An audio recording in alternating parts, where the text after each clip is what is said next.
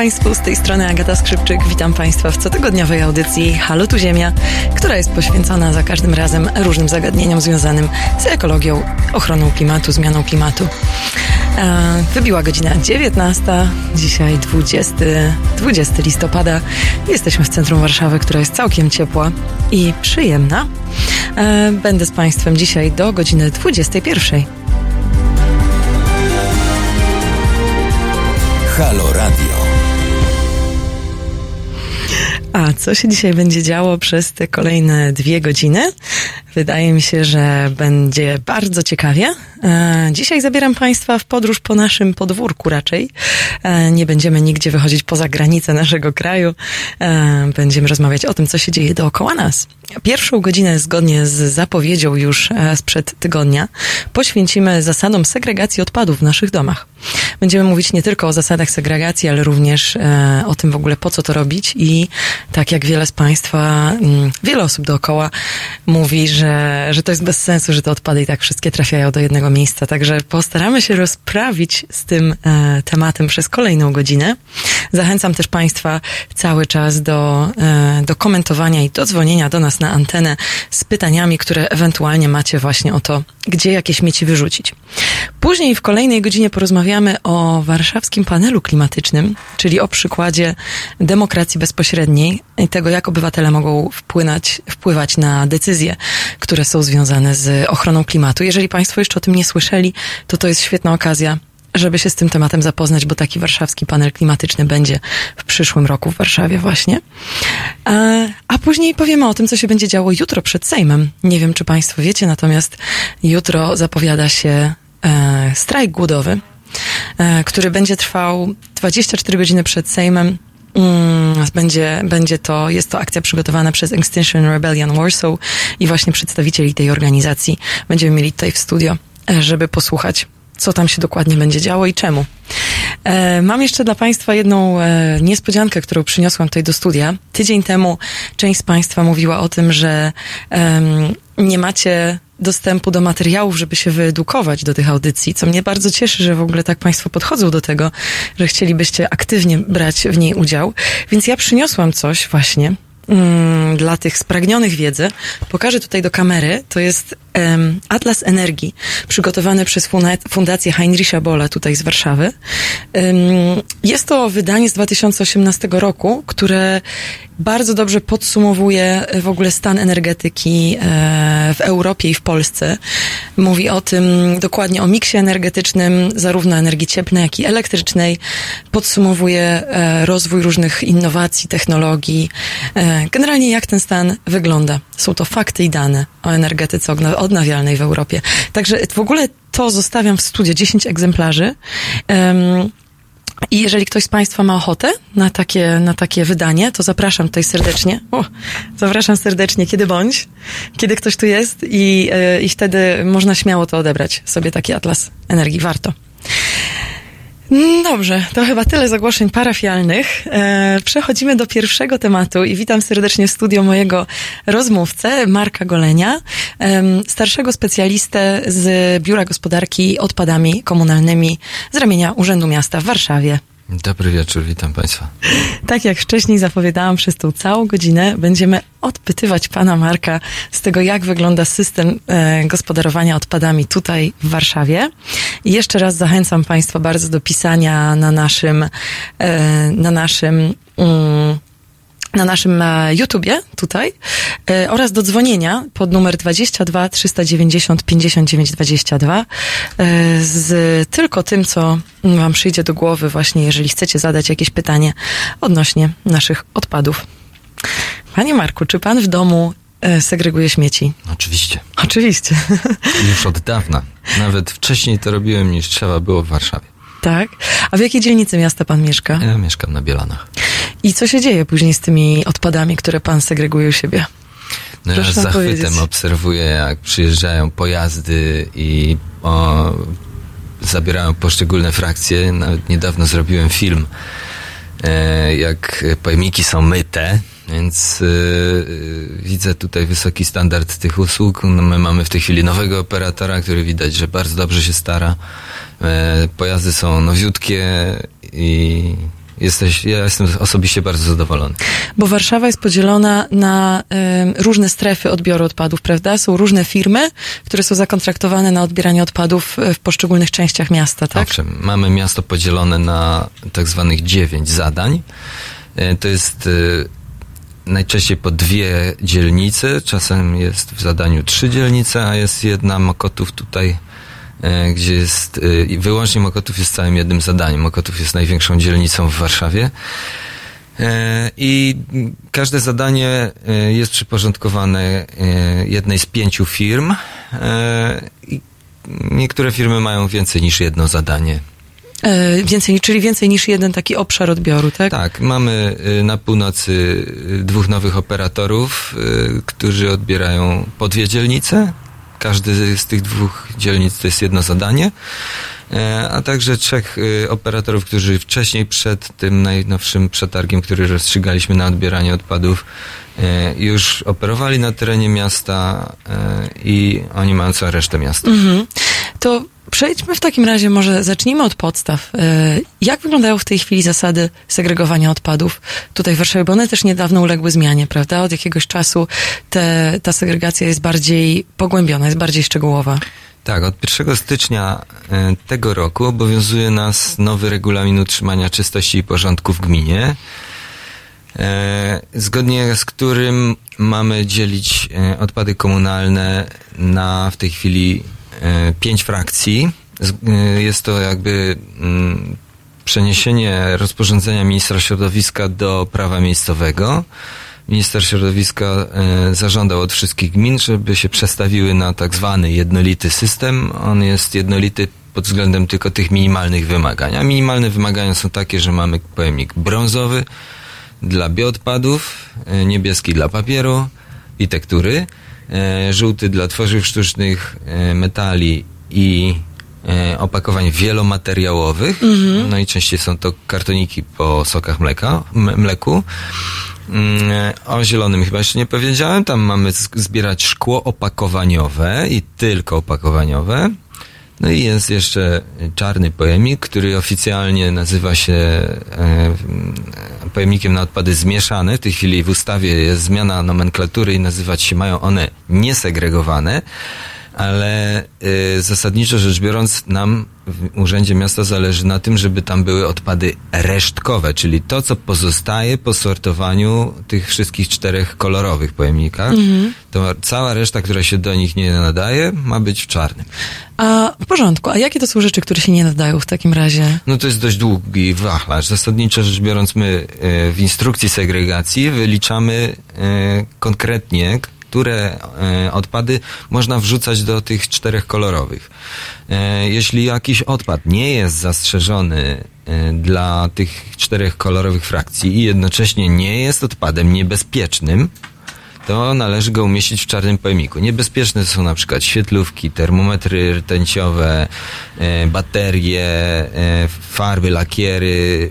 E, są, są to odpady znacznie bardziej skomplikowane, jakby mm, trudne do mm, stanowiące zagrożenie dla środowiska -hmm. i wymagające specjalnego postępowania przy ich zagospodarowaniu. No dobrze, zanim w takim razie przejdziemy do szczegółowych zasad też tych, e, tych pięciu pojemników, to jest właśnie jeszcze ten pojemnik z tymi zmieszanymi, których się nie da. E, my nie jesteśmy w stanie jakoś wysegregować. A co z tymi odpadami niebezpiecznymi, które pan, te różne rodzaje odpadów, które pan wymienił? Przykładowo leki, które są już przeterminowane i nie nadają się do e, leczenia, e, powinniśmy oddawać w aptekach. Mamy na terenie miasta około 400 punktów, które odbierają na zlecenie miasta e, przeterminowane leki. I to są apteki. Bardzo często jest to połączone również z odbiorem termometrów rtęciowych.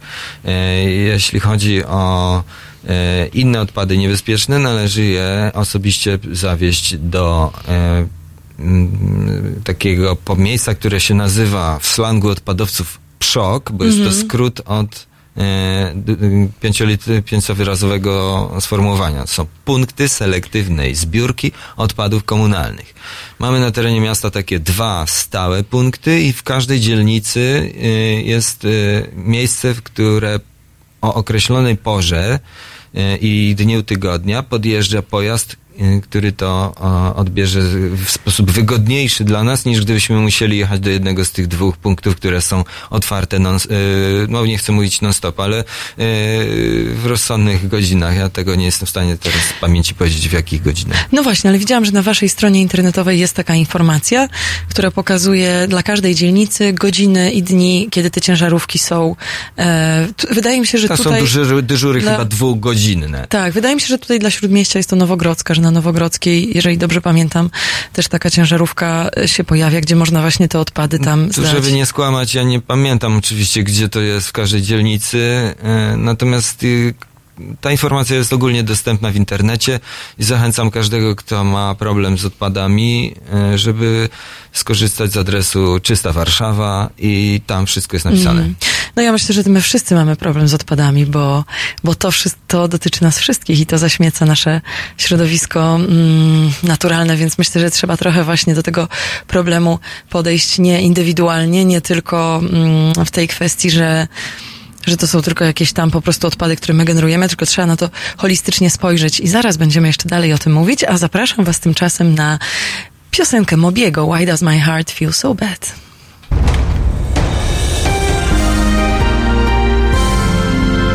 Piątek. Od 21 do 23 telefony od Państwa odbiera Kuba Wątły. Tu chyba nic nie trzeba dodawać. 21-23. www.halo.radio. Słuchaj na żywo, a potem z podcastów.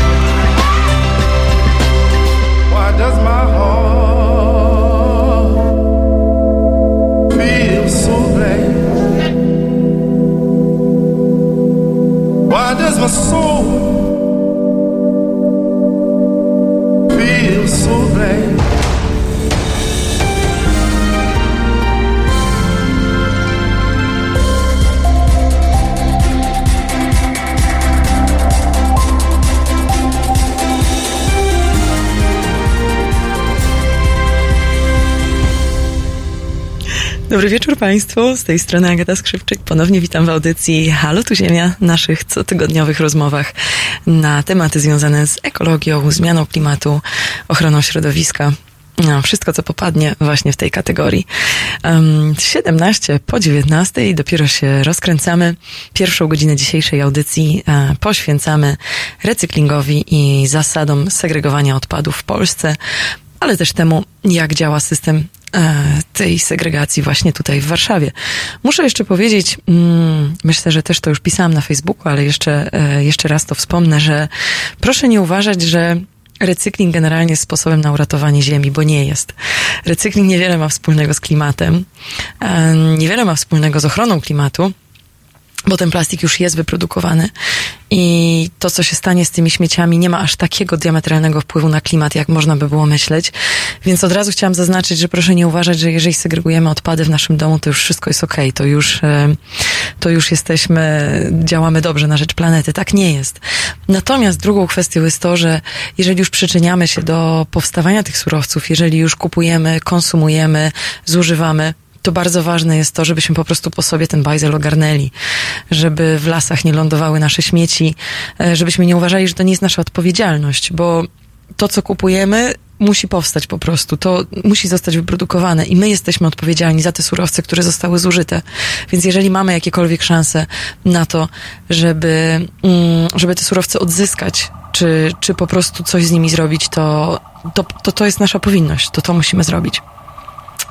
W studio jeszcze raz ze mną Marek Goleń, e, starszy specjalista z Biura Gospodarki Odpadami z Urzędu Miasta Warszawy.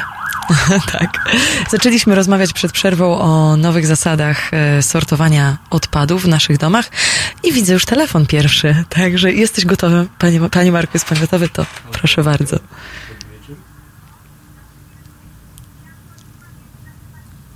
Być może właśnie to dzwoni pani, którą zachęciliśmy do tego telefonu. Poproszę tylko pani imię. Tak, tak, tak. Wydaje mi się, że tak. Halo, słucham? Y, dzień dobry. Dzień dobry. Y, ja chciałam y, powiedzieć, witam wszystkich bardzo serdecznie, ale temat śmieci bardzo mnie interesuje. Bardzo ponieważ się staram się, nigdy tego nie robiłam, ja już mam swoje lata, nigdy nie segregowaliśmy śmieci kiedyś, nie było to potrzebne, wrzucało się wszystko do jednego. I teraz mówi się o tej segregacji, więc staram się segregować.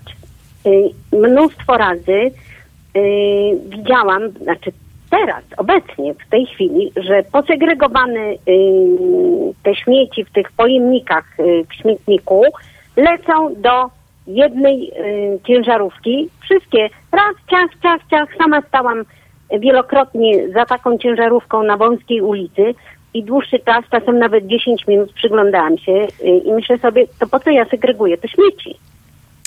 Pani, Dor pani Dorota, może Pani jeszcze powiedzieć, e, w jakiej dzielnicy Warszawy Pani mieszka? Ja mieszkam na Mokotowie, ale ja Aha. widziałam to na Górnym Mokotowie. I to wielokrotnie, bo ja y, parkuję zwykle w takiej małej uliczce i niestety w godzinach, w których y, odbierane są śmiecie. W związku z tym jestem zmuszona stać i czekać, żeby przejechać. Jestem mm. zmuszona stać i patrzeć, co się dzieje. I stoję i patrzę. I krew mi nie zalewa, że y, tyle pracy w segregowaniu śmieci, teraz wszyscy chcą być eko i bardzo dobrze, idzie na marne. No bo ja nie wiem, tam w środku ja nie widzę żadnych, żadnego podzielenia, prawda? To są te stare samochody mhm. odbierające śmieci. Pani Doroto, bardzo dziękujemy za... Ja jeszcze spytam, e, kiedy ostatnio pani widziała coś takiego? No może tydzień temu. Okay. No nie, no nawet, mhm. nawet, nawet nie, no w zeszłym tygodniu, teraz mamy początek tygodnia. E, ja jeszcze bym miał y, takie pytanie, pani mieszka w zabudowie jednorodzinnej czy wielorodzinnej? Nie, ja mieszkam w wielorodzinnych, tutaj w blokach. Do nas mhm. też nie przyjeżdżają te takie nowe samochody, które poniekąd, znaczy mają y, te, te pojemniki na konkretne odpady. Ale ja to widzę y, no za każdym razem, kiedy y, jestem na Górnym Mokotowie, to widzę tą starą taką znaną mi od wieków ciężarówkę, która wszystko zabiera. A zapamiętała Pani może, jaka firma to tą posiada tą y, śmieciarkę? Jakieś no nie wiem, to są takie firmowe? pomarańczowe. Ja się im nie przyglądam, to jeździ albo Remondis, albo jakiś inny, no to one się ciągle zmieniają te nazwy niestety. Także yy, Dobrze, ja postaram się, się wyjaśnić, skąd jest... się bierze ten problem. Pani Doroto, mhm. bar, Pani Doroto, bardzo dziękujemy za telefon. Myślę, że to jest e, pierwszy z, z, z pierwsza wątpliwość z wielu takich, mhm. bo rzeczywiście chyba sporo. Tak, jest dość, dość częsty problem zgłaszany przez mieszkańców i już wyjaśniam, z czego on się bierze. E, za budowie wielorodzinnej e, za wysiłek segregacji, za efekt segregacji odpowiada wysiłek zbiorowy i żeby uznać, że odpady są selektywnie zebrane, to wszyscy mieszkańcy, którzy gromadzą odpady w danym punkcie gromadzenia odpadów, muszą je dobrze posegregować, bo jeśli choć jeden zmiesza odpady, to firma, która podjedzie po odpady, stwierdzając uchybienie w segregacji, może je odebrać jako zmieszane. Jest to w przepisie ustawowym wpisane wprost. E, I jedyne, co ma musi zrobić, to poinformować gminę o tym fakcie. Czyli jeżeli zobaczą w pojemniku na papier, jeżeli zobaczą e, plastik powiedzmy, albo jakieś o, śmieci organiczne, to wtedy biorą cały ten pojemnik jako zmieszane? Nie mówię, że zrobią, tak? Ale, ale mają do tego prawo.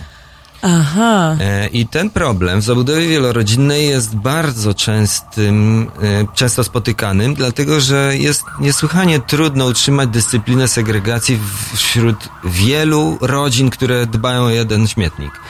E, w zabudowie jednorodzinnej zdarza się to praktycznie wyjątkowo gdzie mhm. właściciel nieruchomości, który jest stroną jakby w, w, całej relacji śmieciowej pomiędzy miastem jest stroną, który pomiędzy miastem, firmą i, i znaczy strony e, całego tego układu są trzy zgodnie z przepisami. Jest to właściciel nieruchomości, firma śmieciowa i, e, i miasto. Mhm. I teraz właściciel nieruchomości to nie jest to samo co mieszkanie. Z zabudowie jednorodzinnej jedna rodzina, jest to w miarę tożsame. Natomiast tak. w zabudowie wielorodzinnej stroną naszych y, relacji y, jest y, zarządca wspólnoty albo spółdzielnia mieszkaniowa, no, pomijając jakieś inne ewentualne wyjątki od tych dwóch reguł. I stąd się bierze problem, że właśnie e, ja mam osobiście też taki problem w swoim bloku. U mnie sąsiedzi bardzo mocno się starają i widzę, że e, dyscyplina segregacji jest wysoka. Nie wiem, być może wiedzą, gdzie pracuję, że, mm. się, że, a może są po prostu tak może ekologicznie świadomi. Nie, nie, wnikałem w to. Wnikam tylko w to, że mam ze dwie rodziny, dwa gospodarstwa domowe, które wrzucają wszystko gdziekolwiek. I powiem Państwu szczerze, że jak się dowiem, którzy, jak ich zauważę, to po prostu e, poinformuję o tym e, Urząd Miasta, e, bo to nie może być tak, że odpowiadamy zbiorowo i zachęcam Państwa do tego, żebyście obserwowali swoich sąsiadów, jeżeli w Waszych blokach jest dość wysoka dyscyplina segregacji. My w mieście będziemy starali się wdrożyć nowy mechanizm, który wszedł w życie od 6 września, są nowe przepisy i, i będziemy się starali ułożyć te y, kary nie tylko w kierunku właściciela nieruchomości, Aha. ale także pojedynczych sprawców, którzy, e, którzy generalnie rzecz biorąc mają gdzieś nasz zbiorowy wysiłek. Ale w tej chwili rozumiem, że to właściciel nieruchomości by, by, by był obciążony taką karą, tak? Więc mamy dwa, dwa rodzaje kar zgodnie z nowymi przepisami. Jeszcze nie wiadomo, czy będziemy je mogli szybko wprowadzić, dlatego że mamy umowę z y, firmami śmieciowymi aż do 2020 chyba trzeciego roku.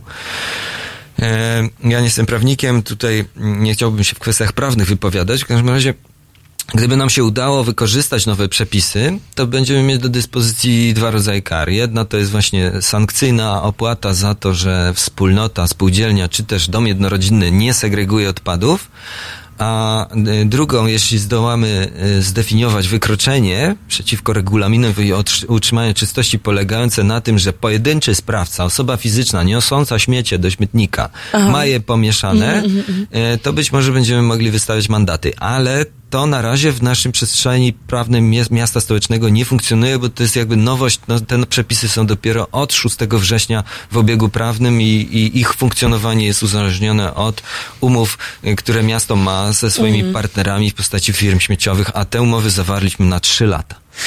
No tak, ale y, wie pan co, tak sobie jeszcze myślę, że jeżeli tam jest w regulaminie taki, taki przepis, że jeżeli tylko y, odpady w tych pojemnikach wydają się zmieszane, to firma może Jeszcze odbierać je wszystkie. Jeszcze nie ma nie, ale w regulaminie, to jest w ustawie. W ustawie. To czy to nie stwarza na, trochę ryzyka nadużycia? Bo dla, dla takich firm jest dużo łatwiej. Jeżeli one, one same muszą odpowiadać za swoje koszty, to rozumiem, że jest im dużo łatwiej wysłać śmieciarkę z tylko mm, odbierającą odpady zmieszane i przecież nie, nie są w stanie udowodnić, czy rzeczywiście w tym, kontenery, w tym kontenerze był też jeszcze odpad z innego strumienia. Czy to nie jest tak, że one nadużywają może tego przepisu, nie uważa pan?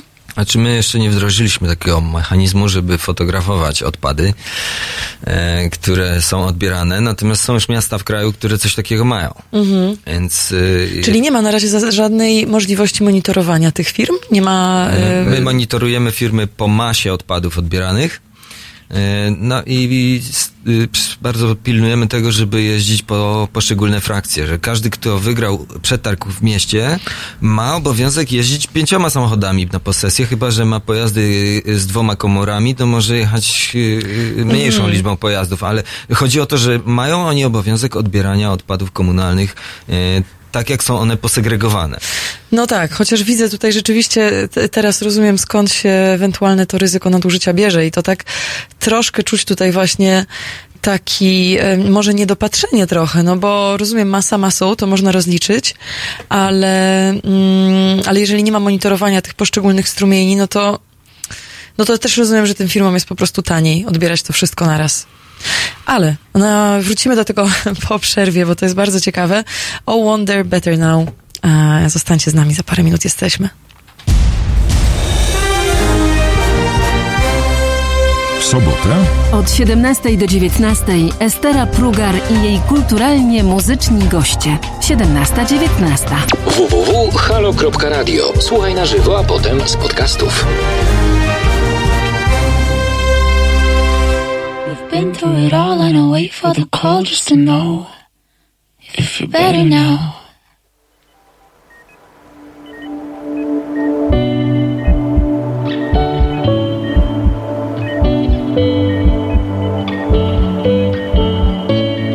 Twenty-two hours pacing the room, praying for you. Hot cup of coffee. They said you're sleeping. No news is good nothing to do. Cold cup of coffee. Never been scared about the future. Don't think I'll make it if I lose you. So I hope you're feeling better now, better now. Better now, better now.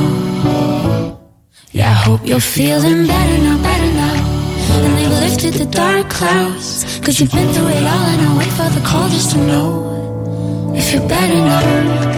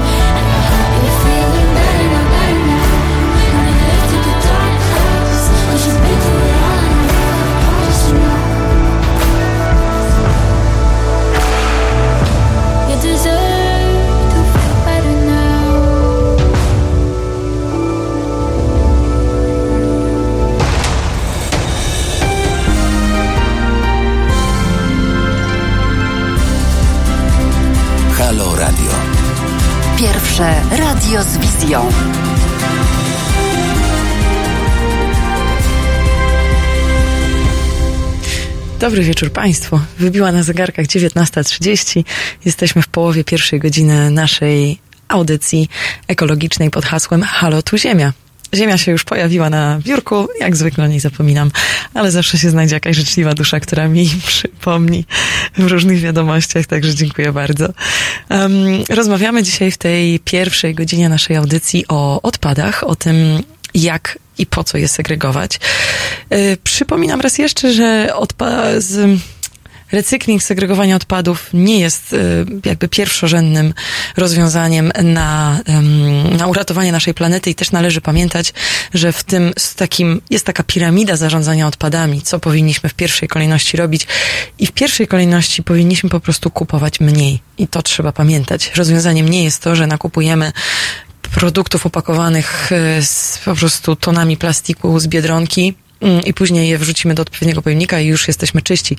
Dużo, dużo łatwiej jest, kiedy po prostu um, się ograniczymy w tej konsumpcji, będziemy starać się generować jak najmniej odpadów. Natomiast jeżeli już są, no to trzeba wiedzieć, jak sobie z nimi poradzić i właśnie dzisiaj pomaga nam w tym główny specjalista z Biura Gospodarki Odpadami Komunalnymi, Marek Goleń.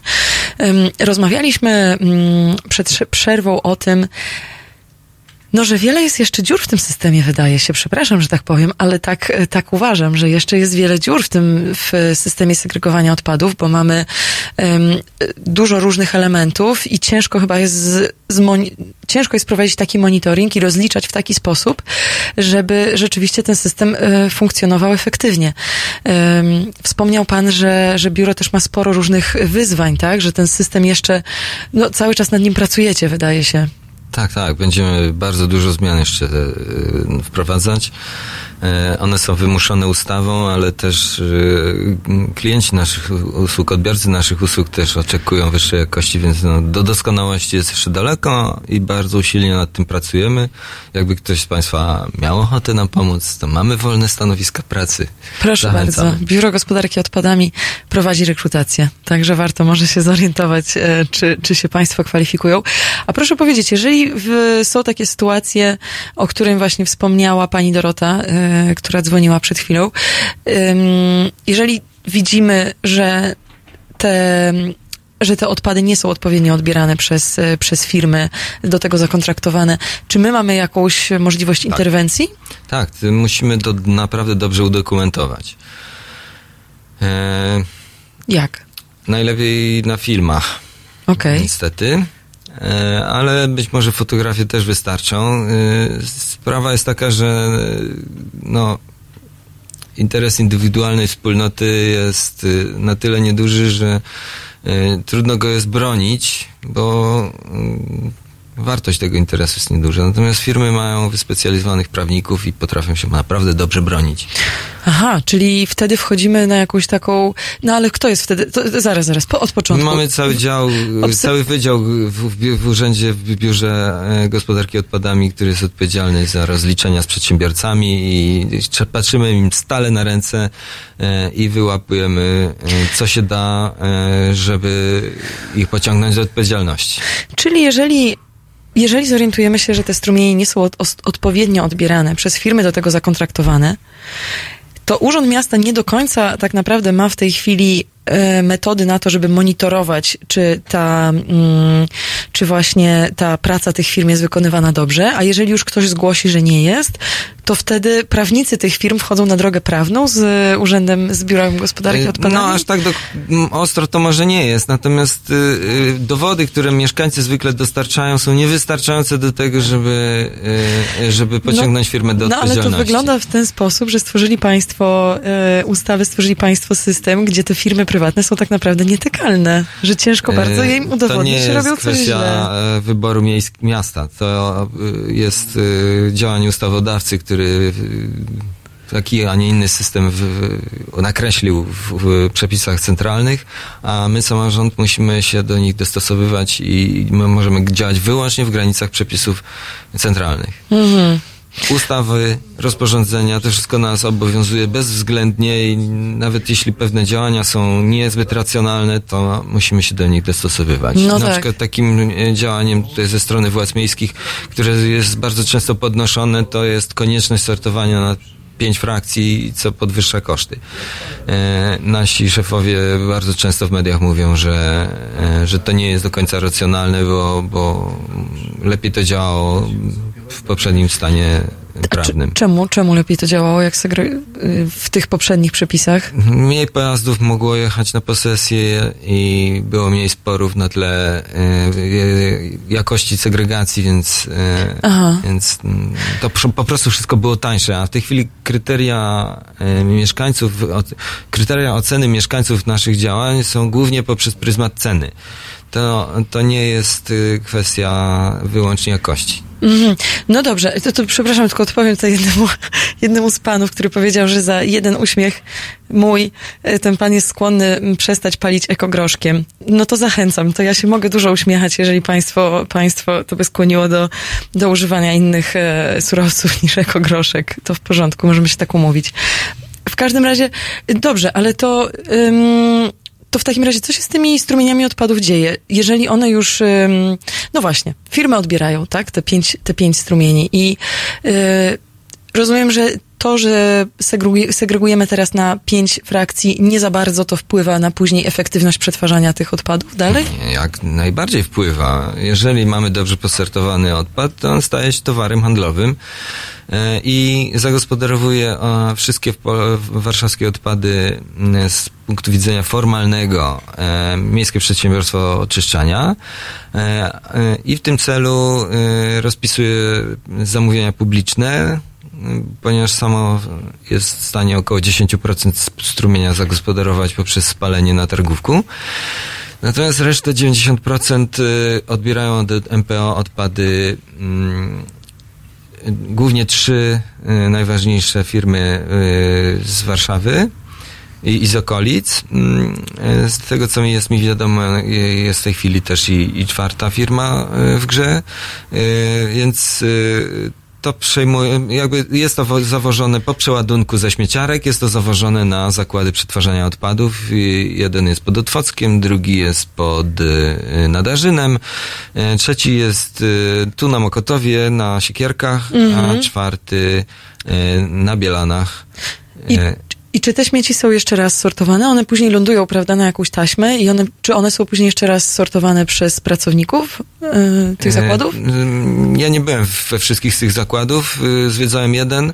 E, który jest bardzo zaawansowany technicznie i ma mnóstwo maszyn do tego, żeby sortować to automatycznie, e, co nie znaczy, że to jest najwłaściwszy sposób działania. Najlepiej by było, gdybyśmy u źródła, czyli e, do naszych pojemników pod domami wrzucili czysty papier i tekturę, które mogłyby się bez dodatkowego sortowania stać towarem do, dla recyklerów. Mhm. To samo jeśli chodzi o szkło.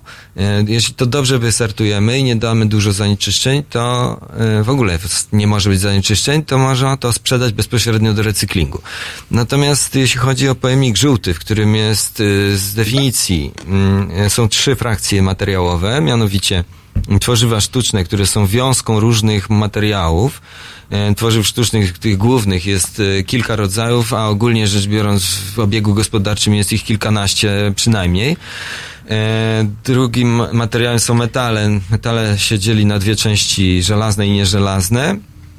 A także mamy tam, to też bardzo dziwi niektórych mieszkańców, E, mamy tam kartoniki papierowe, ale to dlatego, że one są wielomateriałowe mhm, i są zro, zrobione e, z, z, wielu, e, no jest warstwa aluminium, jest warstwa tworzywa sztucznego, jest warstwa tektury i to też mamy do, do żółtego wrzucić tak zwane, nie, nie chcę mówić nazwą handlową, ale jest to na tyle powszechne, że, że, że no, wiemy o czym mówimy. Po, Czyli na pudełka po, sokach, po sokach, po mleku. Po mleku. To jest często mm. też, myślę, że to jest duży I, dylemat. I ten żółty, jak jedzie jednym pojazdem, on musi być rozsortowany y, na dodatkowy, na wtórnym sortowaniu na, w zakładach przetwarzania odpadów. E, Panie Marku, mamy jeden telefon jeszcze, także dzień dobry, halo, halo. E, dzień dobry, dobry wieczór. Z tej strony Roman z, z Zielonej Góry. Dobry mam wieczór. takie pytanie, bo słucham pa, Państwa audycji i mam wrażenie, że ten system, który w tej chwili działa, segregacja odpadów, e, ma wiele takich dziur i, i, i w trakcie tego procesu całego wiele się zawodzi. I chciałem spytać, czy nie lepiej byłoby te koszty, które trzeba ponieść na to, żeby segregować u źródła, tak jak to powiedział, żeby z nich zlikwidować i, i, i te zaoszczędzone pieniądze w ten sposób przeznaczyć na takie profesjonalne sortowanie już na miejscu, bo skoro w wielu przypadkach to sortowanie u źródła nie działa, to, to on jest bezcelowy i tak jak pan, pan tutaj... No nie ma pan oczywiście racji, ja już zaraz pan wyjaśnię, gdzie jest pan w błędzie. Ale myślę, że jest to... koniec jest mojego pytania, chciałbym, żeby pan powiedział właśnie, gdzie mhm. jest pan. Bardzo, bardzo ciekawe pytanie, dziękujemy bardzo za telefon, panie Romanie. E Niestety, ale y, mieliśmy taki etap w rozwoju naszego systemu gospodarki odpadami, gdzie dominowały y, zakłady, które miały się zająć, zajmować mieszanymi odpadami.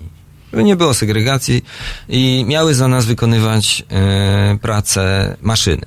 Sortowanie odpadów zmieszanych daje efektywność w postaci najwyżej 10% masy, którą można skierować do recyklingu, średnio, gdy, było duż, gdy była przewaga, e, zdecydowana przewaga odpadów zmieszanych, to średnio było to 7-8%, mm. a dzisiaj po rozwoju selektywnej zbiórki, kiedy w kolorowych pojemnikach mamy surowce wtórne, e, ze odpadów zmieszanych daje się wysortować najwyżej 2% masy, a tymczasem Unia Europejska nakazuje nam E, w 2025 roku wysortować 55% masy, nie wysortować, e, oddać do recyklingu, poddać recyklingowi mm -hmm. 55% masy, E, więc porównajmy to sobie z 10%, które można e, poddać recyklingowi z odpadów zmieszanych. Maksymalnie 10%. Tak.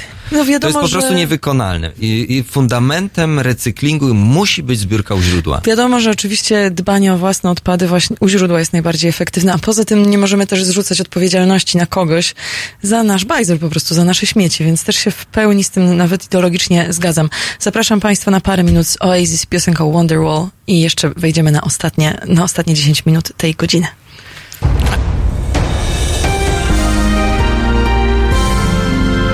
Jutro. Od 21 do 23 telefony od Państwa odbiera Roman Kurkiewicz. Rozmowa, dialog, zrozumienie i żadnej agresji. 21-23. Zapraszamy. www.halo.radio. Słuchaj na żywo, a potem z podcastów.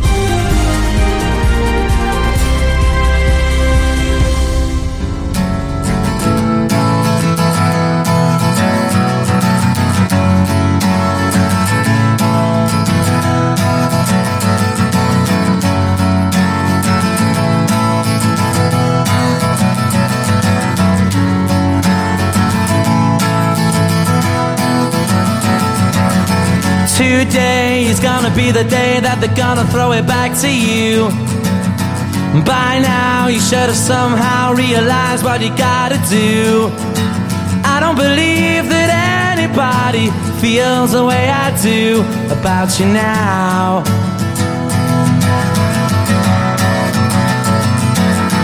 Backbeat, the word is on the street that the fire in your heart is out I'm sure you've heard all before, but you never really had a doubt. I don't believe that anybody feels the way I do about you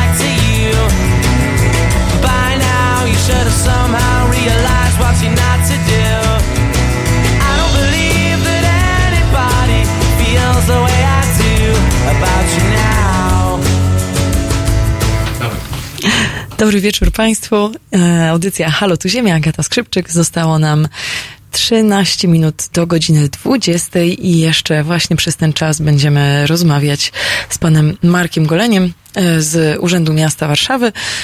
Panie Marku, zaraz, przepraszam, jeszcze tutaj przeczytam.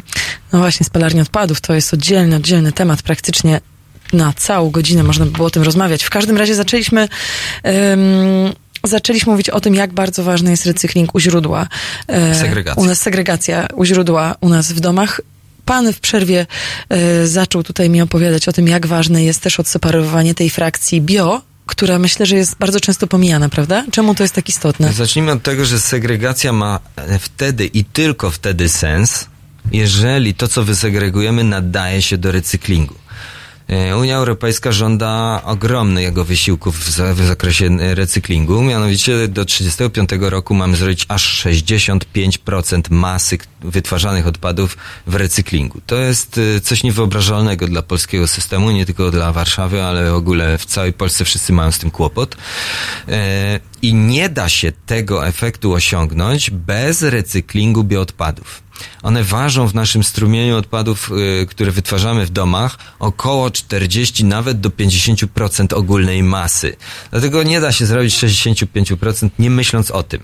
A tymczasem y, z tym idzie nam najsłabiej. Bardzo mocno kuleje y, segregacja tych odpadów u źródła. Ludzie jednak separują tego bardzo mało i niestety najczęściej dokładają do tego woreczki foliowe. Znaczy zbierają odpady w worku foliowym, i to potem zaburza procesy w recyklingu. Czyli jak wyrzucamy do tego pojemnika bio, to powinniśmy to wszystko wyrzucać z torby plastikowej? E, najlepiej by było, gdyby pojemnik był wyścielany workiem, który ulega kompostowaniu razem z zawartością. Są takie worki. I wtedy luzem, tak. Mhm. Natomiast jeśli, jeśli wrzucimy e, bioodpady luzem do pojemnika, to trzeba je częściej myć. E, i to nas też więcej kosztuje zawsze. Okej, okay, czyli najlepiej kupić takie tak specjalne Tak naprawdę torby. w tej chwili dobrego sposobu na to wszystko nie mamy, dlatego że tak czy inaczej jakąś wadę systemową mm, mm, mamy zastaną z przeszłości, bo y, gdybyśmy chcieli poddawać recyklingowi odpady kuchenne w całości, to musimy najpierw wybudować biogazownię. To trwa około pięciu lat. E, miasto się dopiero do tego e, zabiera. E, A w jaki sposób się zabiera? Czy to już jest jakiś przetarg jest rozpisany? Decyzja lokalizacyjna w tej chwili okay. dopiero. To jest pierwsza rzecz, trzeba znaleźć miejsce, gdzie to zrobić, gdzie to się da zrobić, żeby po prostu nie, nie było protestów społecznych, żeby y, była logistyka w miarę tania. To pewnie e, też lepiej włączyć w to mieszkańców, żeby protestów społecznych nie było, bo najczęściej protesty społeczne wynikają z niewiedzy, prawda? Jeżeli... Najczęściej wynikają z tego, że ludzie już jak tylko usłyszą, inwestycja ma za zadanie zagospodarować odpady, to y, jeszcze zanim cokolwiek się dowiedzą o tej inwestycji, to już czują smród. Mm. E, I my mamy ogromny problem z pokonaniem oporu społecznego. No ale to trzeba wtedy po prostu rozmawiać z ludźmi, tak myślę, że jeżeli się tych mieszkańców uwzględnia. Cieszę się, że pani tak optymistycznie do tego podchodzi. No, mamy doświadczenia ciężkie i, i, no nie mówię, że nie były popełnione błędy, ale no nie, nie, nie, nie mam dzisiaj czasu na ten temat długo rozmawiać, bo jeszcze mamy omówić nie będziemy... jakieś szczegółowe kwestie, tak? Tak, tak, tak. My, tak, mamy tutaj parę pytań jeszcze, do których chcieliśmy, chcieliśmy wrócić właśnie odnośnie tych bioodpadów. To czy na przykład y, gałęzie, czy stara trawa, y, skoszona trawa z podwórka, czy to by było wrzucone wszystko do tego właśnie pojemnika bio? Bo takie było pytanie też naszych słuchaczy. Więc musimy też sobie zdawać sprawę z tego, że regulamin utrzymania czystości, który obowiązuje w mieście, nie wszystkie odpady, które wydają się, e, że ulegają biodegradacji, zalicza na poczet odpadów komunalnych. Mhm. I tak, jeżeli mamy dom jednorodzinny i skosimy trawę, no to tak, mamy prawo oddać to do, w, w brązowym worku czy pojemniku.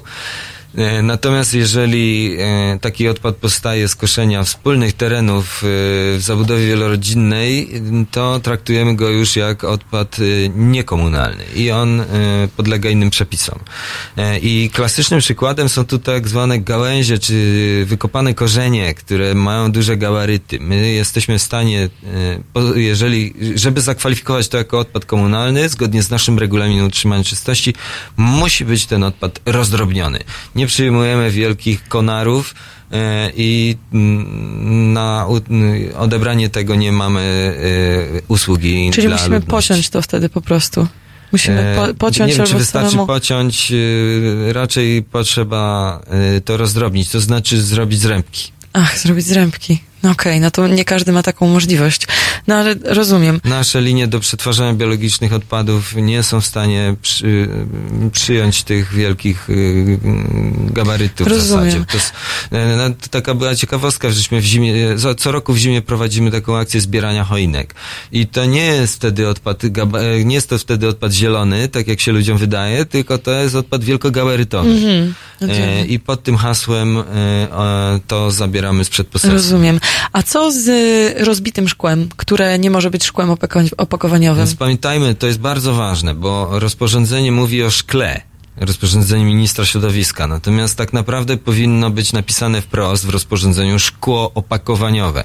Nie możemy do pojemnika zielonego wrzucić żadnego innego szkła niż opakowaniowe, czyli butelki, e, mhm. słoiki, e, coś, co służy opakowaniu towarów.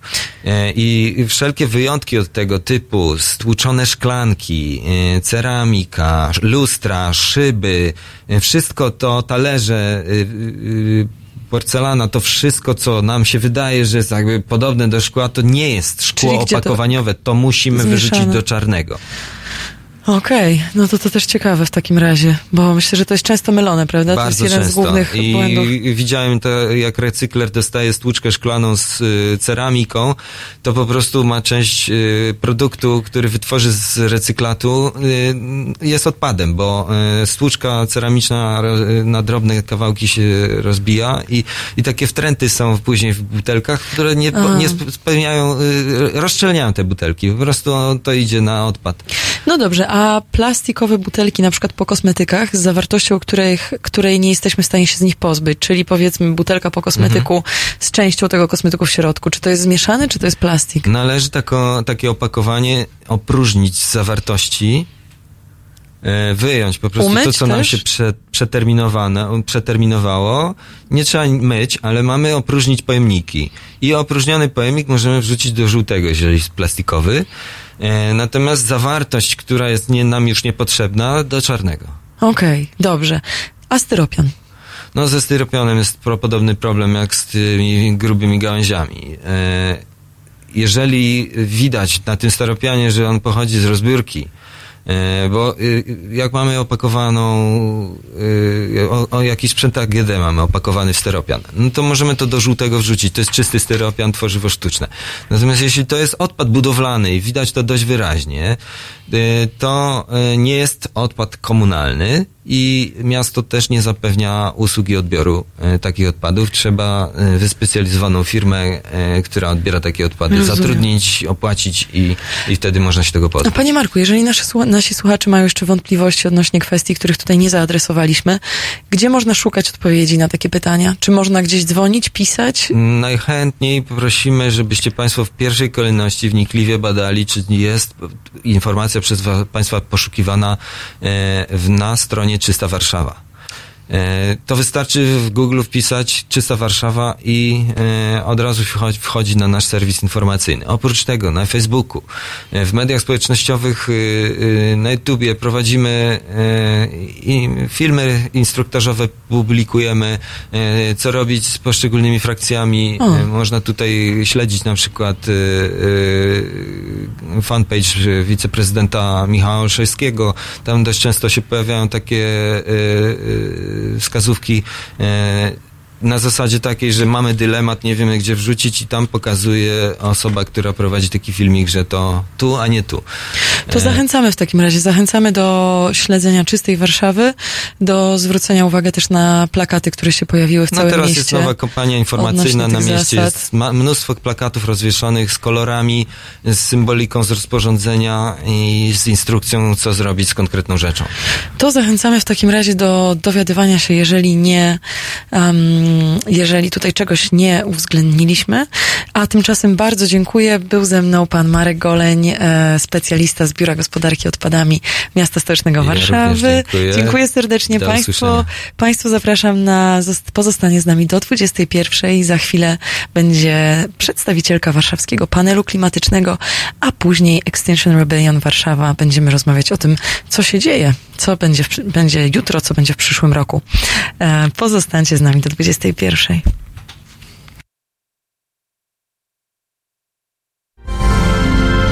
sobotę? Od 19 do 21 Renata Gluza i jej goście pokażą Państwu, że dziennikarstwo może być misją i może czynić dobro. 19.21 www.halo.radio. Słuchaj na żywo, a potem z podcastów.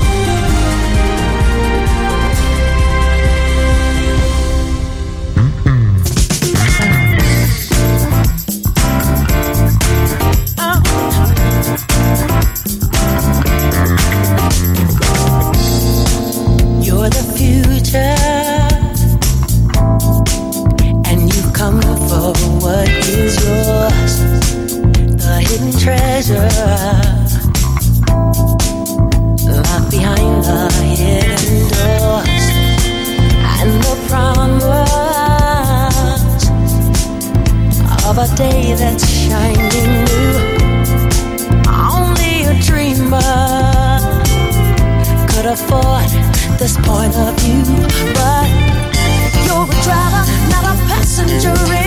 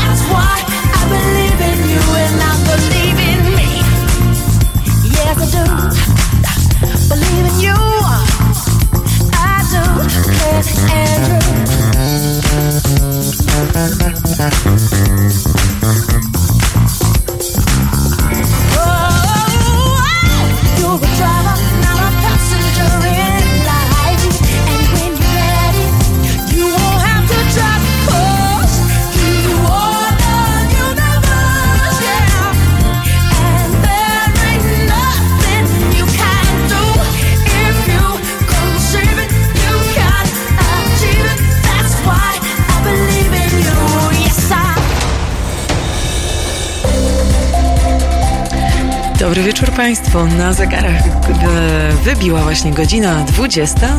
Ja witam Państwa w naszej cotygodniowej audycji Halo tu Ziemia w Halo Radio. Moje nazwisko Agata Skrzypczyk i będę jeszcze tutaj z Państwem do godziny 21.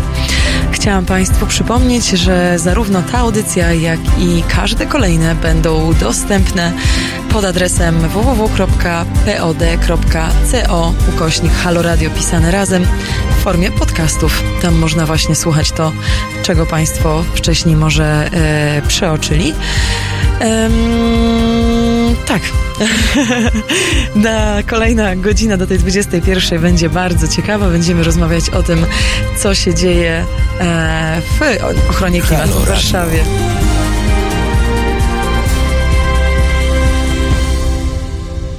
A ze mną w studio już teraz na pierwsze pół godziny tej naszej odsłony Karolina Woźniak, przedstawicielka warszawskiego panelu klimatycznego. Przepraszam, panelu klimatycznego. Klimatyczny panel obywatelski. Klimatyczny panel obywatelski, dokładnie.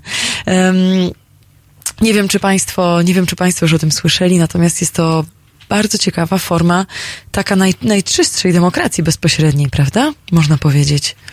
Zdecydowanie tak. Jest to demokracja deliberatywna. A, I tak naprawdę tutaj każdy z wylosowanych panelistów może się wypowiedzieć, więc tak jakby zapraszamy osoby, a, które oddają strukturą miasto lub państwo mm -hmm. a, do zmurzenia się nad jakimś dużym problemem, przed jakim stoimy.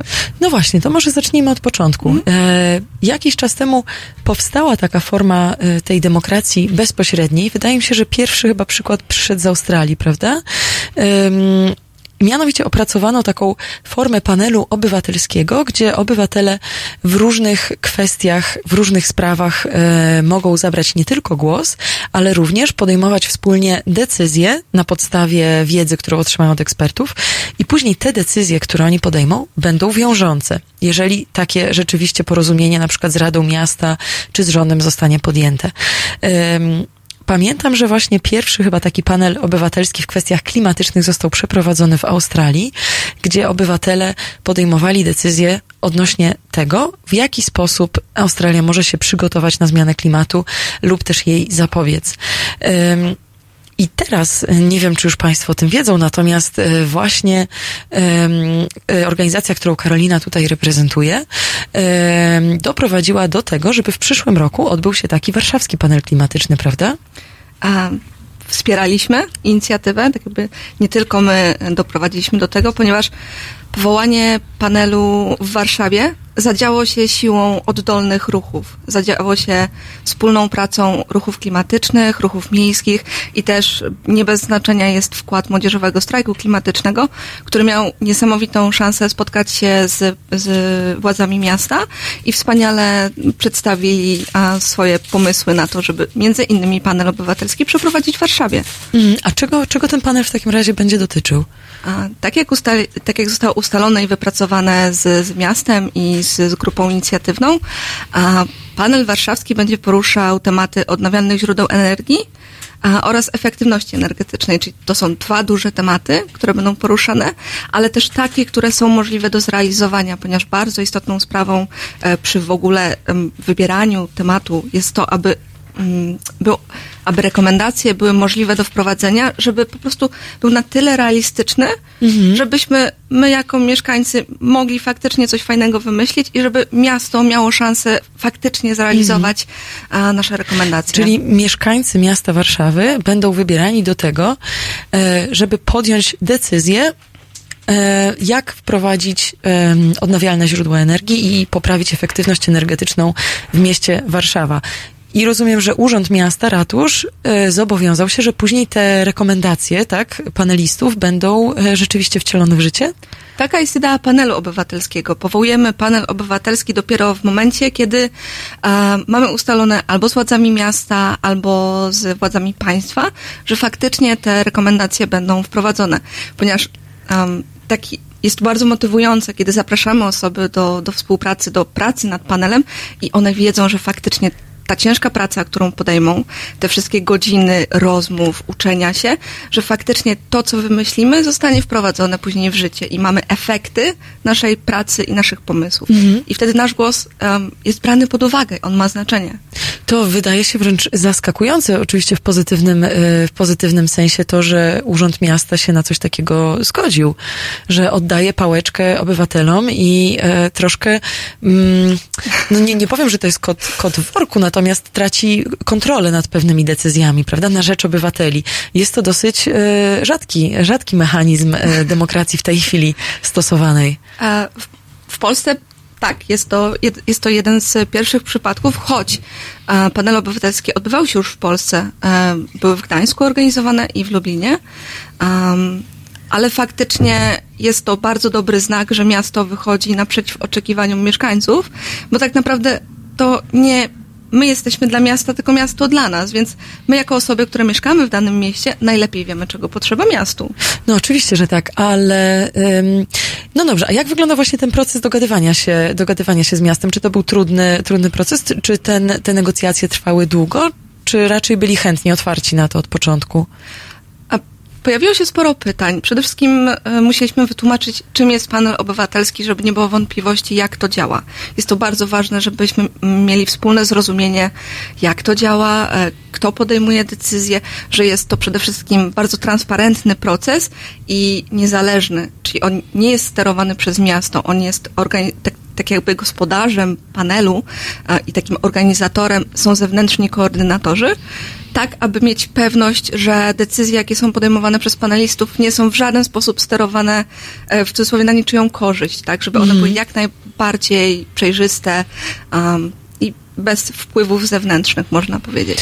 A w jaki sposób, jeżeli to są tematy tak techniczne jak odnawialne źródła energii czy efektywność energetyczna, w jaki sposób możemy się upewnić, że, um, że, że te decyzje, bo to są osoby zupełnie postronne, prawda, niezwiązane w ogóle też z branżą, w jaki sposób możemy się upewnić, że te rekomendacje przez nich wydane będą się opierały na zrozumieniu tematu? Mhm.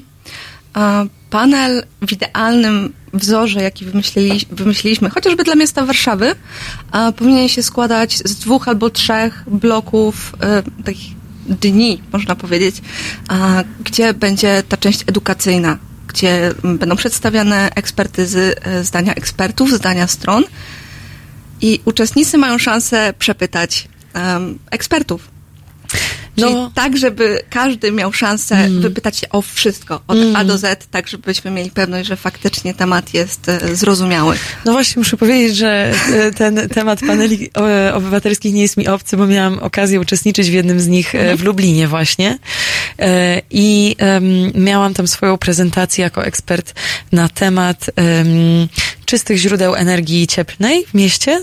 No to mniej więcej taki, taki był szerszy, szersze ujęcie tego tematu.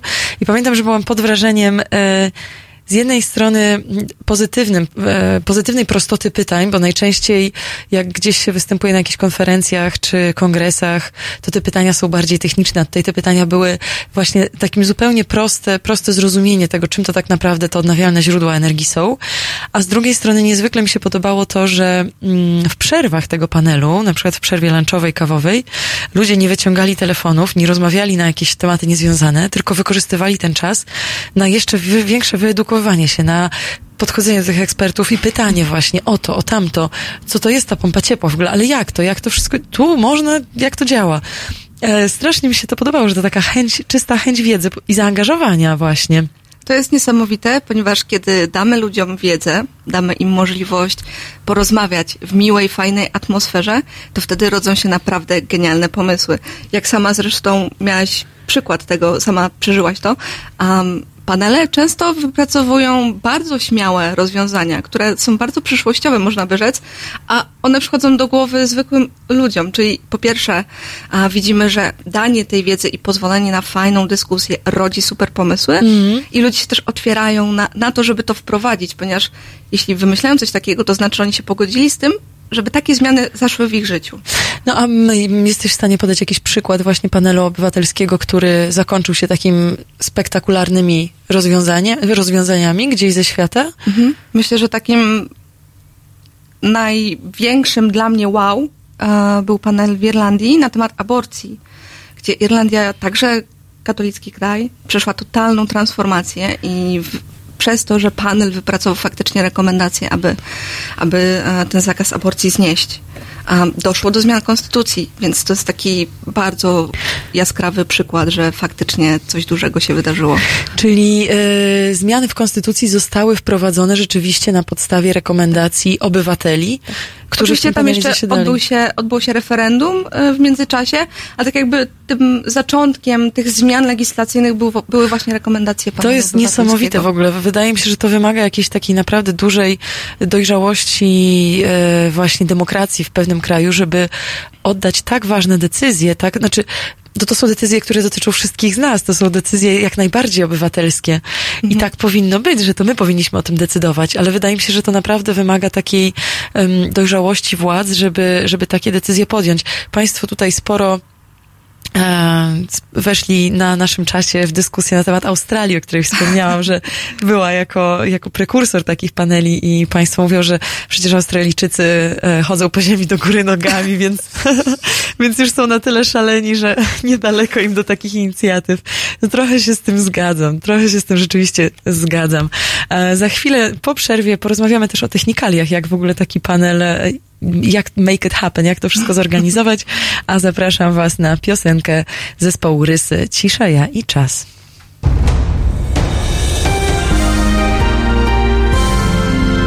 W sobotę od 21 do 23 telefony od Państwa odbiera Wojtek Krzyżaniak. Rozmowa, dialog, zrozumienie i żadnej agresji. 21-23. www.halo.radio. Słuchaj na żywo, a potem z podcastów.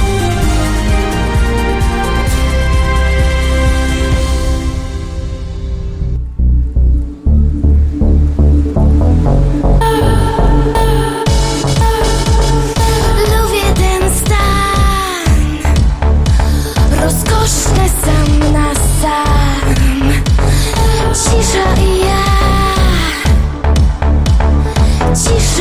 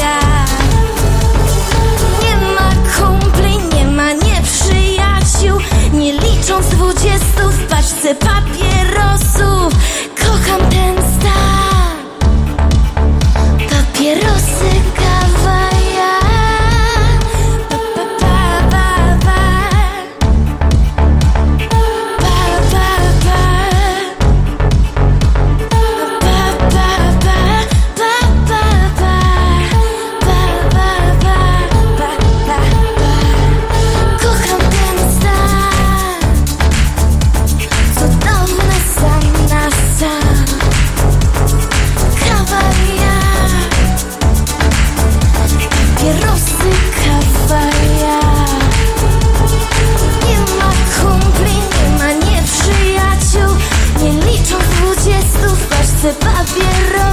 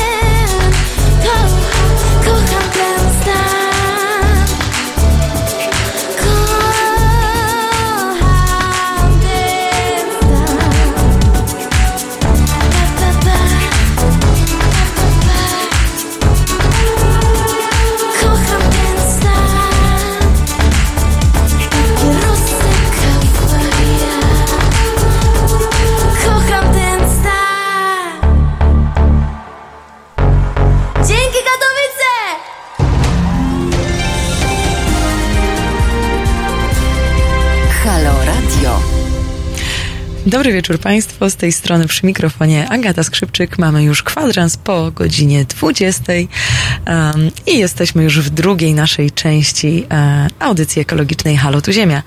Ze mną w studio Karolina Woźniak, przedstawicielka warszawskiego panelu klimatycznego, który odbędzie się w Warszawie w przyszłym roku. Czy już wiadomo kiedy to będzie? Jeszcze, jeszcze dokładnego terminu nie znamy. Tak naprawdę cała procedura musi ruszyć dopiero, ponieważ ratusz teraz będzie pracował nad wyłonieniem zespołu koordynującego, więc tak jakby ta procedura dopiero, dopiero rusza, zanim panel, zanim faktycznie dostaniemy zaproszenia do naszych skrzynek. No właśnie, jak to teraz będzie wyglądało, zaproszenia do naszych skrzynek? No właśnie, powiedz mi, od czego to się zaczyna i w jaki sposób wybierani są w ogóle paneliści? Czy to może być każdy z nas tutaj obecnych? E, jeśli mieszkasz w Warszawie i jesteś e, w spisie wyborców, e, to tak, to możesz być wylosowana do panelu. Tak jak powiedziałam, paneliści są wybierani na podstawie losowania, tak aby oddać esencję miasta, czyli każda dzielnica musi być odpowiednio reprezentowana wiekowo i wykształceniem i też płeć jest bardzo ważna, Aha. bo chcemy tak oddać duszę miasta, w, w takim panelu. A czy na przykład y, odnośnie płci jest, prawda, więcej kobiet chyba w Warszawie niż mężczyzn, czy... Chyba w ogóle jak w Polsce. Chyba w ogóle jak w Polsce, więc wybierając, e, wybierając te osoby do losowania uwzględniacie właśnie to, czy to ma być 50-50 e, mężczyzn, kobiet, czy ma być jednak to grupa, która odzwierciedla przekrój? Odzwierciedlamy, odzwierciedlamy mhm. strukturę demograficzną miasta. Okay. Czyli zarówno chodzi tutaj o miejsce zamieszkania w mieście, tak. o wykształcenie, o wiek. Tak i płeć. O płeć. Okej, okay, w porządku. I wybieracie taką grupę, ile osób to będzie dla Warszawy wybranych do losowania w ogóle? Na pewno roześlemy kilka tysięcy zaproszeń, mhm. aby, ponieważ jak dostajemy takie zaproszenie, to jest moment decyzji, czy chcemy wziąć udział w takim panelu, czy nie. E, ponieważ musimy odpowiedzieć na to zaproszenie, zaproszenie rejestrując się albo onlineowo, albo jeśli ktoś e, nie jest osobą zaznajomioną z technologią komputerową, może zadzwonić e, i zarejestrować się telefonicznie. I wtedy spośród osób, które faktycznie odpowiedziały na, na, na to zaproszenie nasze, wtedy następuje kolejne losowanie. I wtedy losujemy już docelowych panelistów plus osoby rezerwowe, bo wiadomo, w razie gdyby komuś coś się stało albo po prostu nie mógł z jakiegoś mhm. powodu wziąć jednak udziału, potrzebujemy też tych osób rezerwowych. A ile osób ostatecznie weźmie udział w panelu? Ile jest tych panelistów? Jeszcze, jeszcze, jeszcze, nie jest ustalone dokładnie, ile ma być e, panelistów w Warszawie. Przy, przy, takiej, przy takiej wielkości miasta na pewno około 100 osób powinno to być. No, niemniej jest to już decyzja techniczna, którą podejmie zespół okay. koordynujący z miastem. Czyli jeżeli jesteśmy zameldowani w Warszawie, zarejestrowani jako wyborcy. Bo Powinniśmy być w spisie wyborców. W spisie wyborców, to możemy spodziewać się takiego zaproszenia właśnie w naszej y, skrzynce. Dokładnie tak. Aha, okej. Okay. I... Trochę jak list ho z Hogwartu. Będziemy czekać. tak. E, I to będzie rozsyłała... Y, jaka organizacja się podpisze pod tym? Kto będzie podpisany pod takim zaproszeniem? Z, to będzie Urząd zespół Miasta? koordynujący. Aha, zespół Na pewno też Urząd Miasta będzie jako zapraszający, niemniej zespół koordynujący już jest ty, to, tym ciałem odpowiedzialnym za, za przebieg całego panelu. A kto, y, kto y, w ogóle sponsoruje to? Kto sponsoruje te działania, które już teraz się muszą zacząć? Czy to jest Urząd Miasta? Pieniądze wykłada Urząd Miasta, ponieważ y, on pokrywa, że tak powiem, koszty późniejszych rekomendacji, więc te, te, finanse idą z, z Urzędu Miasta i rozpisując y, przetarg albo y, wysyłając zapytanie ofertowe, dobrą praktyką jest, aby Urząd Miasta określił, ile chce wydać na taki panel. I już w tym, że tak powiem, też jest zawarta cała koordynacja i wszystkie technikalia typu rozsyłanie zaproszeń, diety dla panelistów, ponieważ to jest, to jest też istotny punkt.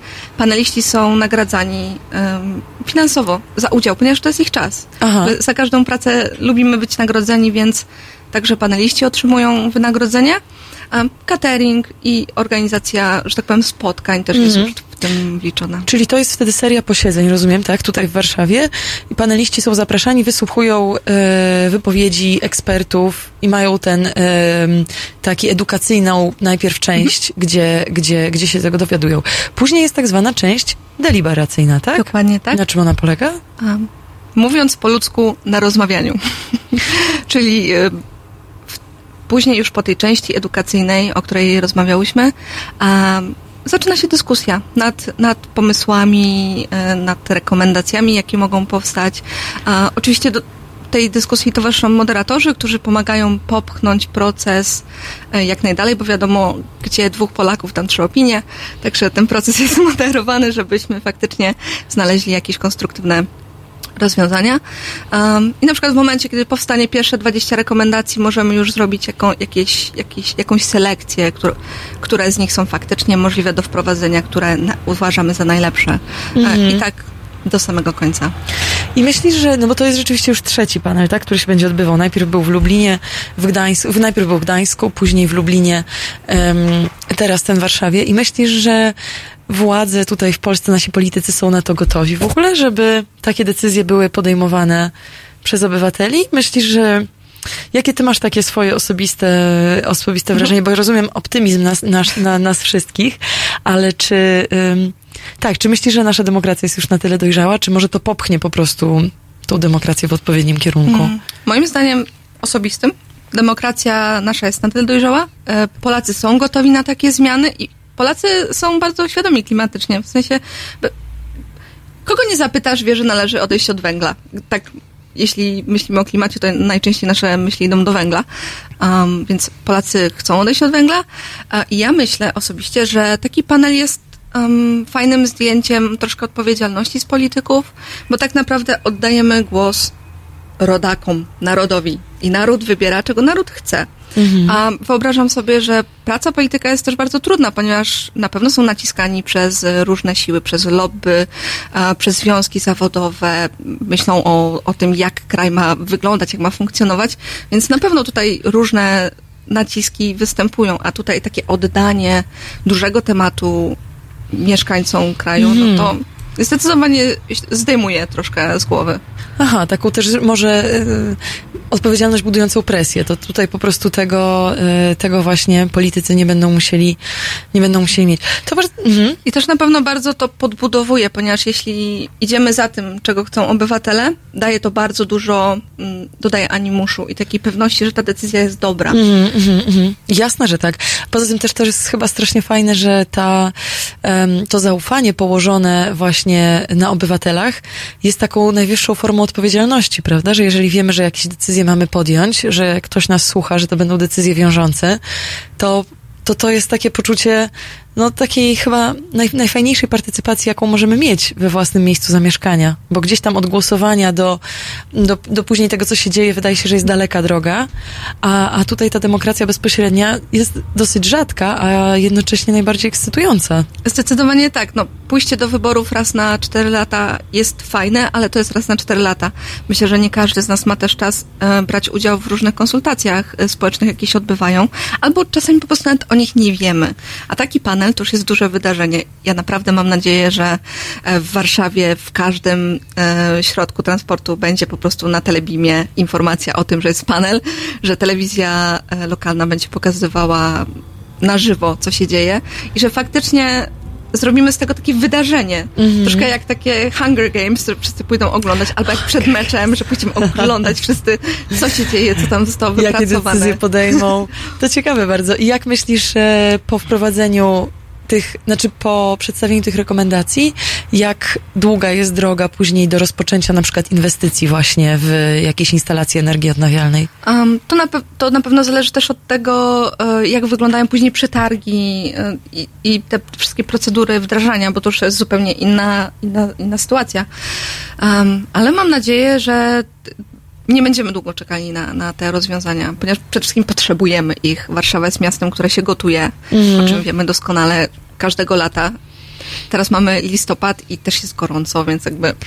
No właśnie, a jesteśmy coraz bardziej wyedukowani, coraz bardziej świadomi.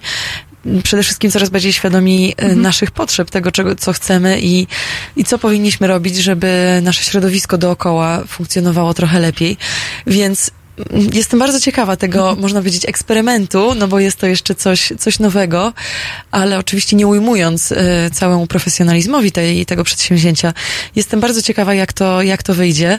Y, no i co, możemy w takim razie czekać na zaproszenia w naszych skrzynkach, możemy być tymi panelistami, możemy podejmować decyzje o naszym mieście.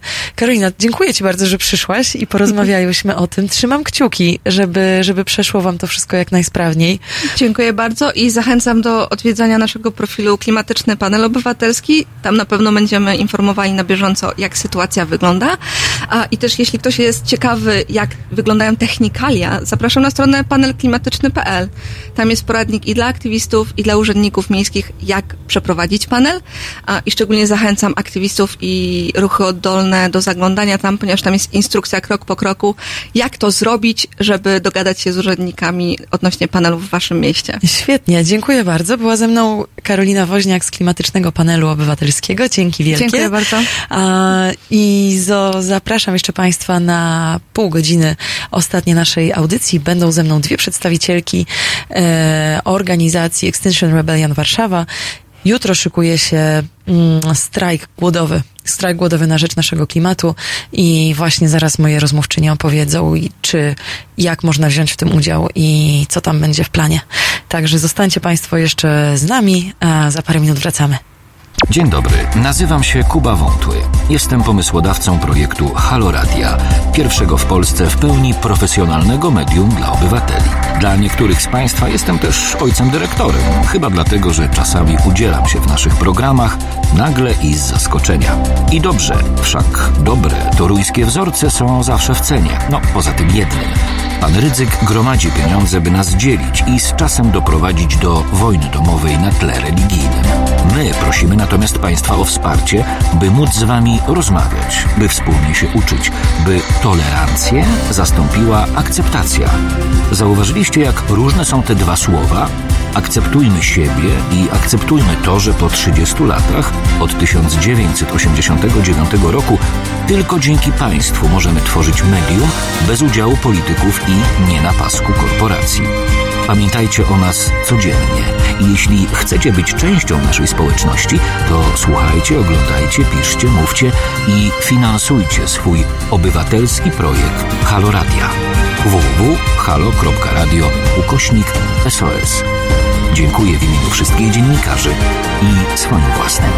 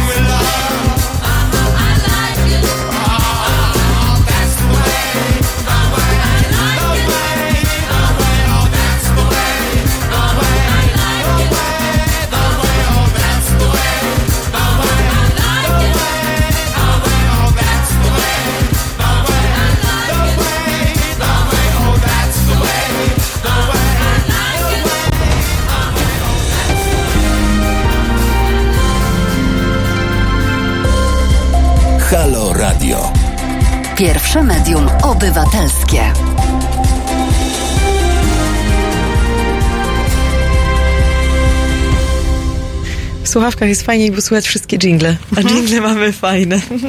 Dobry wieczór Państwu, Agata Skrzypczyk w audycji Halo tu Ziemia. E, jest już parę minut po wpół do 21.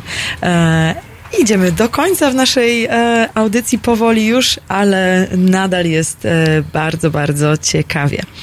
Jesteśmy pierwszym radiem z wizją, więc przypominam, że nawet jeszcze przez te ostatnie pół godziny można nas oglądać na żywo na YouTubie, do czego bardzo zachęcam, bo studio mamy wyjątkowo piękne.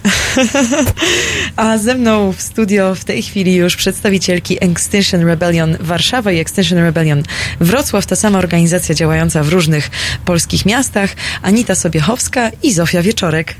Dobry wieczór. Cześć, dobry wieczór. wieczór. Cieszę się bardzo, że przyszłyście, bo zależało mi bardzo, żeby porozmawiać właśnie z, z Waszą organizacją z uwagi na to, co się jutro mm, będzie tutaj e, w Warszawie działo. Ja mogę Państwu już tutaj powiedzieć, tak jak zresztą wcześniej zapowiadałam, że dwa dni temu zaczął się na świecie e, globalny strajk głodowy, e, który ma zachęcać, skłaniać polityków do, mm, do działania przeciwko zapobieganiu, przeciw, do działaniom przeciwko e, zmianie klimatu. I taki ten, właśnie to już trwa od dwóch dni, prawda, w 22 trzech, krajach, trzech. czy od trzech, mhm. 22 krajach na świecie, a jutro do tych działań przyłącza się też Warszawa. Tak jest, Polska. Polska. Tak, Polska.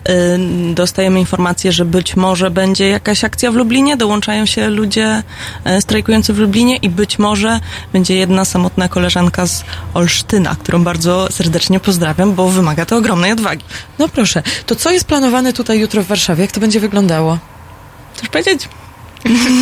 E, jutro będziemy przez 24 godziny siedzieć pod Sejmem. E, i robić tak zwaną głodówkę w mhm. akcie Solidarności z ludźmi, którzy robią ją właśnie przez cały tydzień. Tak, i w akcie Solidarności z ludźmi, którzy już teraz, z, między innymi też z powodu e, zmiany klimatu cierpią, z powodu głodu i niedożywienia na świecie.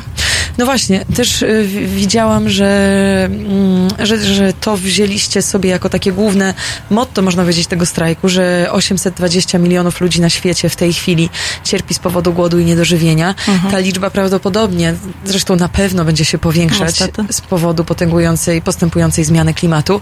Więc rozumiem, że stąd wybraliście tą formę protestu właśnie, żeby na to zwrócić uwagę. Tak jest, jak najbardziej. To jest e, protest organizowany przez e, działacza Extinction Rebellion ze Stanów Zjednoczonych e, i on po prostu rozniósł się na, na wszystkich działaczy Extinction Rebellion na całym świecie, więc jako polscy działacze, jako działacze w Warszawie również się przyłączamy do tej formy protestu. Mhm. Czyli wy robicie 24-godzinny solidarnościowy strajk, natomiast ci aktywiści, którzy już w tych 22 krajach działają, idą taki full on, idą na tydzień, tak? Tydzień są, minimum. Są, są tacy, którzy wybrali formę y, tygodniowego protestu, tygodniowego strajku głodowego.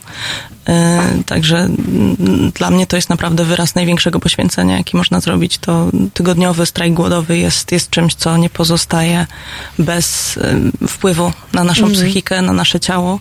E, więc ja naprawdę chylę czoła przed taką formą protestu. Jasne, oczywiście, że tak. Czy wtedy ci aktywiści są zebrani w, jakimś, w jakichś miejscach w tych krajach? Czy to jest tak, że oni mają swoje, swoje miejsce, gdzie przez ten tydzień rzeczywiście y, są razem? Wspierają się? Jak to wygląda? Formuła y, zachęca do tego, żeby jednak sfotografować się, nagrać krótki filmik przed y, jakimś ratuszem, sejmem, czy instytucją po prostu publiczną lub w jakimś istotnym dla danego miasta, czy kraju miejscu, żeby zwrócić uwagę jednak na, na to, że to jest, jakby reprezentujemy tutaj mm, nasze kraje, nasze miasta, e, ale nie jest tak naprawdę powiedziane w stu procentach. To od decyzji każdego aktywisty zależy, gdzie on ten strajk zechce przeprowadzić. Mhm. A w jaki sposób w jaki sposób można się do tego przyłączyć jutro pod Sejmem? Rozumiem, że poza tym, że tam pójdziemy, to też są procesy w ogóle takie bardziej formalne. Robicie to w taki sposób naprawdę po Bożemu, można powiedzieć, tak? Jak to, po, po Bożemu, to co, co, to znaczy? Nie, nie, nie jakby... No nie jemy przez 24 godziny, nie, to, będzie po Bożemu. To oczywiście żart, natomiast widziałam na waszej stronie, że, mm, że ci, którzy chcą wziąć udział w strajku, mogą się zarejestrować. Że to nie jest tylko tam, nie, nie jest tylko tak, że idziemy, tylko też jesteśmy na jakiejś liście po prostu, tak? Osób mhm. strajkujących. Zofia, możesz powiedzieć więcej na mhm. temat tego, jak te technikalia wyglądają. Nie wiem, czy ty się tym zajmujesz yy, właśnie? Mm. Ja dołączyłam dość spontanicznie, okay. bo jestem z Wrocławia i po prostu dowiedziałam się, że, e, że jest taka akcja i e, ona jest w ogóle pierwsza, pierwszy raz jest coś takiego organizowanego w Polsce, e, także na pewno nie będzie bardzo liczna grupa, która będzie to robić, ale wraz z postępowaniem jakby tego procesu i różnych kolejnych akcji będzie tych osób więcej, dlatego no zobaczymy, jak to będzie wyglądać. A ile osób jest zarejestrowanych na ten jutrzejszy strajk? E, na ten moment e, będzie sześć osób w Warszawie. Zobaczymy jeszcze jak z innymi dołączającymi, ponieważ cały czas dostajemy informacje na temat tego, że inne miasta, inne osoby w innych miastach w Polsce również chcą się włączyć. Jeśli chodzi o ten, ten moment rejestracji, o który pytasz, to chodzi po prostu o to, że Extinction Rebellion Global prowadzi statystykę tego, ile osób w ilu państwach głoduje, prowadzi jakby mm, kto imię i nazwisko, żebyśmy po prostu byli zliczeni i żeby było wiadomo, jak, jak wielka była to grupa. Mhm. Na ten moment to jest już prawie 400 osób. O, 400 osób na całym świecie. Mhm. Wow. Z tego, co, z tego też, co widziałam, to Extension Rebellion zapewnia e, taką opiekę i wsparcie medyczne, prawda? Że ci, e, że ci strajkujący są pod jakimś stałym, stałą opieką, że to tak, tak w, innych, w innych krajach y, tak to działa. W, w, Polsce tego nie mamy, ponieważ nikt nie, nie zdecydował się na ten siedmiotygodniowy, siedmiodniowy y, strajk. Dlatego forma 24-godzinnego strajku no, nie wymaga y, takiej wielkiej opieki medycznej. E, ale owszem, jednym jakby z wymogów for, formalności rejestracji było to, żeby się skontaktować z lekarzem i uzyskać od niego po prostu konsultację. Mhm. Nawet też widziałam, że właśnie w tym globalnym strajku siedmiodniowym e, osoby poniżej 18 roku życia nie mogą się zarejestrować chyba na dłużej niż te 24 godziny właśnie. Tak, tak, tak. Mhm. Że rzeczywiście jakby widać, że organizacja bierze odpowiedzialność za swoich strajkujących, tak. co mi się bardzo zresztą mhm. spodobało, że jest to zrobione w, no, w taki bardzo przemyślany sposób. Okej. Okay. A ym, Wiecie, jakie są, e, czy są jakieś efekty już w tej chwili tego właśnie trwającego od trzech dni globalnego strajku? Jak mhm. Ja muszę powiedzieć, że, że, nie śledziłam tego tak bardzo. Byliśmy dosyć w Warszawie mocno skupieni na tym, żeby zorganizować ten jutrzejszy protest e, i żeby on się odbył i, i żeby miał możliwie jak największy, na, największy impact. E, także planuję po prostu zobaczyć i poczytać relacje z danych krajów, jak już spłyną te wszystkie informacje, jak mhm, tydzień się mhm. zakończy i zobaczymy, z czym czym to się wiązało. Widać, że na pewno oczy mediów są zwrócone na te strajki, bo bardzo dużo, e, bardzo dużo można znaleźć na stronie Guardiana, Al Jazeera. Widać, że rzeczywiście, e, pomimo tego, że 400 osób może nie wydaje się być jakąś wielką grupą w kontekście uh-huh. innych strajków ulicznych, to jednak y, ma to spory efekt, przełożenie takie. No, mi się wydaje, że z pewnością tak jest, szczególnie, że to właśnie pokazuje naszą determinację, to jak ludzie są w stanie wyjść ze swojej strefy komfortu I na pewno nie ma takich efektów e, od razu, tylko one są długofalowe, dlatego właśnie liczymy na tą uwagę mediów i na to, że E, zwrócimy na siebie jak największą uwagę. Tak, i jeszcze zwróćmy uwagę na to, że to jest 400 osób, może to nie jest imponująca liczba, ale to jest 400 osób prowadzących strajk głodowy. To jest najwyższa z możliwych form poświęcenia. E, minimalnie 24, tak jak my to robimy, 24 godziny, e, a są ludzie i jest duża część osób robiących to przez 7 dni, więc to są trochę inne według mnie skale tego, że, że, że naprawdę na mnie taka liczba, 22 kraje zaangażowane i prawie 400 osób biorących udział w strajku robi dosyć duże, du, duże wrażenie. Jasne, że tak. To nie jest tylko przemaszerowanie ulicą, tylko tak. to jest rzeczywiście wyrwanie się z tej strefy komfortu. Jeden z naszych słuchaczy napisał, e, że jego zdaniem, no może sparafrazuję to, że, że jest to trochę śmieszna opieka medyczna przy głodówce, kiedy dzieci w Afryce dłużej nie jedzą i nie mają żadnej opieki lekarskiej. Tylko, że jeżeli dobrze rozumiem, to tutaj nie taki jest, e, nie taki jest cel tego, żeby się e, pod na jakieś niebezpieczeństwo narażać. Chodzi tutaj o solidarność, chodzi za, o zaadresowanie, o to, żeby zapamiętać tą liczbę 820 milionów e, niedożywionych osób na całym świecie. Tak, my mamy jeszcze to szczęście i ten przywilej, że z takiej opieki medycznej możemy skorzystać. Tak, te dzieci w Afryce biedne, tutaj zacytowane przez słuchacza, niestety nie mogą, ale po prostu empatyzujemy z nimi i staramy się zwrócić uwagę na to, że być może w przyszłości dosyć krótkiej, jeżeli niczego nie zrobimy, będziemy również na miejscu tych dzieci, przysłowiowych dzieci z Afryki. Jasne. Um, dobrze, wrócimy, wrócimy jeszcze. Jestem ciekawa też waszych postulatów i tego, co będziecie pod tym Sejmem jutro, jutro mówić i starać się przekazać. Mm. Za chwilkę to poruszymy. Zapraszam Państwa na parę minut z zespołem White Lies i piosenką Tokio.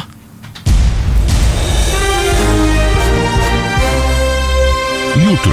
Od 17 do 19 filozoficznie, ale bez zbędnego zadęcia. Porozmawia z Państwem Natalia Wilk-Sobczak. 17-19. www.halo.radio. Słuchaj na żywo, a potem z podcastów.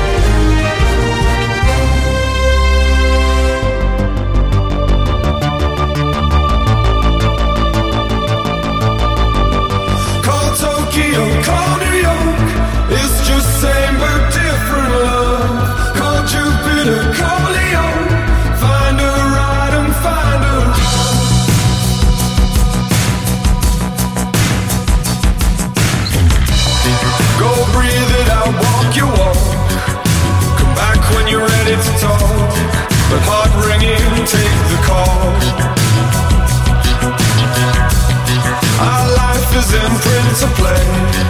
Flip the set if it's starting to fray. If there's nothing new to crave. Cause you know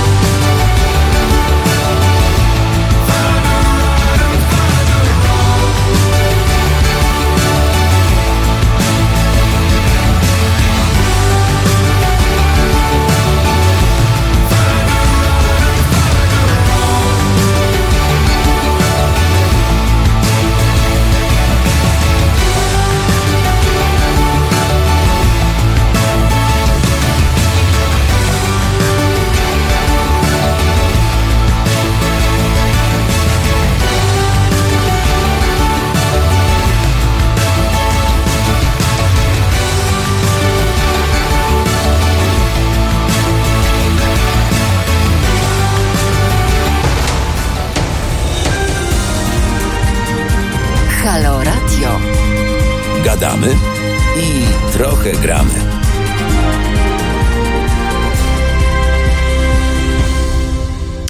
Mamy już na zegarach za 12 minut do 21.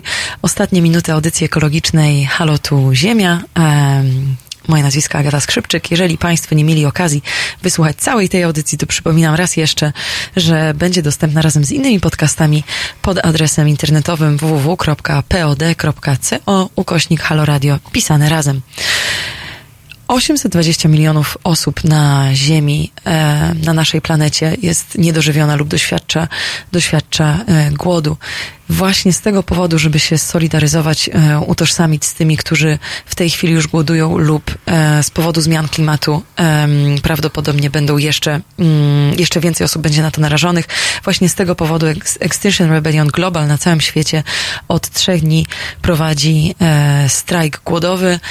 Część z aktywistów poddaje się takiej głodówce na minimum tydzień, a jutro tutaj w Polsce zaczyna się tak zwany solidarnościowy strajk głodowy na 24 godziny żeby się solidaryzować właśnie z tymi aktywistami z całego świata. Ze mną w studio Anitus, Anita Sobiechowska i Zofia Wieczorek z Extinction Rebellion Warszawa i Wrocław. Dziewczyny, czy możecie powiedzieć o tym jutro przed Sejmem? I z jakimi, z jakimi żądaniami będziecie wychodzić do polityków podczas tej 24-godzinnej głodówki? My jako XR mamy bardzo spójne żądania. Jako ogólny ogólno w ogóle międzynarodowy ruch społeczny, oddolny. E, I, I mam takie trzy główne żądania, czyli mówcie prawdę, żeby media e, przedstawiały rzetelną wiedzę na temat kryzysu klimatycznego i tego, w jakiej jesteśmy sytuacji. E, działajmy teraz, czyli dokładnie to, co robimy, czyli strajki, obywatelskie nieposłuszeństwo i właśnie sprzeciw wobec bierności władzy. I to będzie się działo jutro, to będzie ten strajk głodowy. I to mm. jest, to jest żądanie, rozumiem, do, do obywateli. Działajmy teraz. To jest niekoniecznie do polityków, tylko do nas wszystkich, tak? Moim zdaniem to jest e, i do polityków, którzy są odpowiedzialni za, e, za właśnie tworzenie jakiejś strategii E, wobec zmian kryzysu, e, wobec kryzysu klimatycznego e, i też wobec obywateli, żeby się zmobilizować, bo jest nam potrzebna mobilizacja na poziomie 3,5%, bo jest udowodnione, że jeżeli będzie występować taka mobilizacja, to wszystkie ruchy bezprzemocowe, bo takim jesteśmy, będą w stanie uzyskać sukces i wprowadzić swoje postulaty. A naszym trzecim postulatem jest wprowadzenie panelu obywatelskiego, ponieważ my nie jesteśmy specjalistami, nie jesteśmy ekologami, tylko jesteśmy aktywistami, E, więc chcemy, żeby władza spotykała się z obywatelami i ze specjalistami, którzy e, mają wiedzę na ten temat, bo poświęcają całe życie, żeby e, właśnie badać antropologiczne zmiany klimatu. To myślę, że jesteśmy w dobrym kierunku do osiągnięcia tego trzeciego żądania, bo właśnie przed wami była ze mną tutaj Karolina Woźniak, która opowiadała o warszawskim panelu klimatycznym, który się odbędzie w przyszłym roku. Mamy nadzieję, że ogólnopolski panel klimatyczny również będzie możliwy. Wydaje mi się, że takie działania już gdzieś tam, mm, gdzieś tam mają miejsce. Byłoby to super, y, gdyby mógł być jeszcze wiążącym ten panel klimatyczny, postanowienia panelu obywatelskiego, żeby były wiążące dla, y, dla rządów do wprowadzenia tego. Także o to walczymy. No takie jest założenie rzeczywiście, oczywiście, że tak. A powiedzcie, gdzie jest w ogóle, skąd, skąd pochodzi Extinction Rebellion? Jaka jest historia tego? Gdzie zostało założone? Extinction Rebellion powstało w e, Londynie, w Wielkiej Brytanii e, i to była, tak naprawdę to się zaczęło chyba jako kampania e, poprzedniego roku Rise Up, z tego co dobrze. Tak, tak. I założycielami jest Roger Hallam i Gail Bradbrook. Ona jest, zdaje się, biologiem molekularnym, generalnie jest naukowcem, a Roger Hallam zajmuje się studiowaniem um, ruchów społecznych i tego, jak wywierać w najlepszy sposób, po prostu dążyć do zmiany, e, zmiany społecznej i oni są twórcami Extinction Rebellion i po prostu pierwsze rzeczy, ruch jest bardzo młody, powstał rok temu, mhm. w 2018 roku i opiera się głównie na, mm, na posłuszeństwo obywatelskie, na nieposłuszeństwie. tak. Stosujecie ten... głównie formę nieposłuszeństwa obywatelskiego, prawda? Nie tylko tu w Polsce, tylko rozumiem, że wszystkie oddziały tak samo tak działają. Tak jest, ruch jest globalny, żądania są globalne y, i jak najbardziej stosujemy w naszych taktykach nieposłuszeństwo obywatelskie, ale też, co jest bardzo ważne, ruch jest bezprzemocowy. Mhm. No właśnie, a mm, z drugiej strony jest to oczywiście bezprzemocowe, natomiast macie bardzo stanowczą narrację, macie taki bardzo stanowczy sposób rozmawiania z politykami, prawda, i ze społeczeństwem. Nie jest to raczej ym, maszerowanie z uśmiechem po ulicy, tylko jest to bardzo, y, bardzo wyraźne zachęcanie osób do tego, że już w tej chwili musimy podjąć działania i wziąć odpowiedzialność. Jest to takie wymaganie wręcz od społeczeństwa, tak, tej aktywności. No niestety w takich żyjemy czasach, że troszeczkę już, y, jeżeli jesteśmy świadomi e, kryzysu klimatycznego i tego, co nas czeka i tego, co już się dzieje w wielu miejscach na świecie, to tutaj nie ma miejsca na to, żebyśmy sobie rozmawiali i zastanawiali się nad tym, że może zrezygnujmy ze słomki w restauracji czy w napoju. To są zdecydowanie już e, pieśni przeszłości. Przez 30 lat takich form protestu, organizowania marszy, petycji, tak naprawdę nie zmieniło się nic na świecie, a emisje cały czas rosną, więc e, to jest jedyna droga naprzód, ponieważ wiemy o tym, e, jesteśmy przekonani, że jeżeli byśmy działali dalej e, taką metodą małych kroczków albo metodą wywierania presji, to po prostu tymi małymi kroczkami zeszlibyśmy z przepaści. Nie? Mhm. A myślicie, że media w Polsce mówią prawdę na temat kryzysu klimatycznego? Absolutnie nie. No, zdecydowanie nie. E, I media lokalne, i media ogólno- ogólnopolskie, e, narracja jest e, niezgodna z rzeczywistością i z najnowszymi badaniami zupełnie.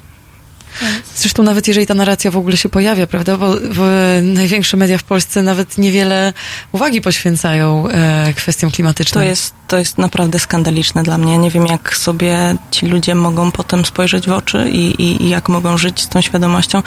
Jedyne co to może nie wiedzą, ale naprawdę coraz ciężej jest mi w to wierzyć, że można nie wierzyć, nie, nie wiedzieć to, co się dzieje na świecie i, i dokąd zmierzamy.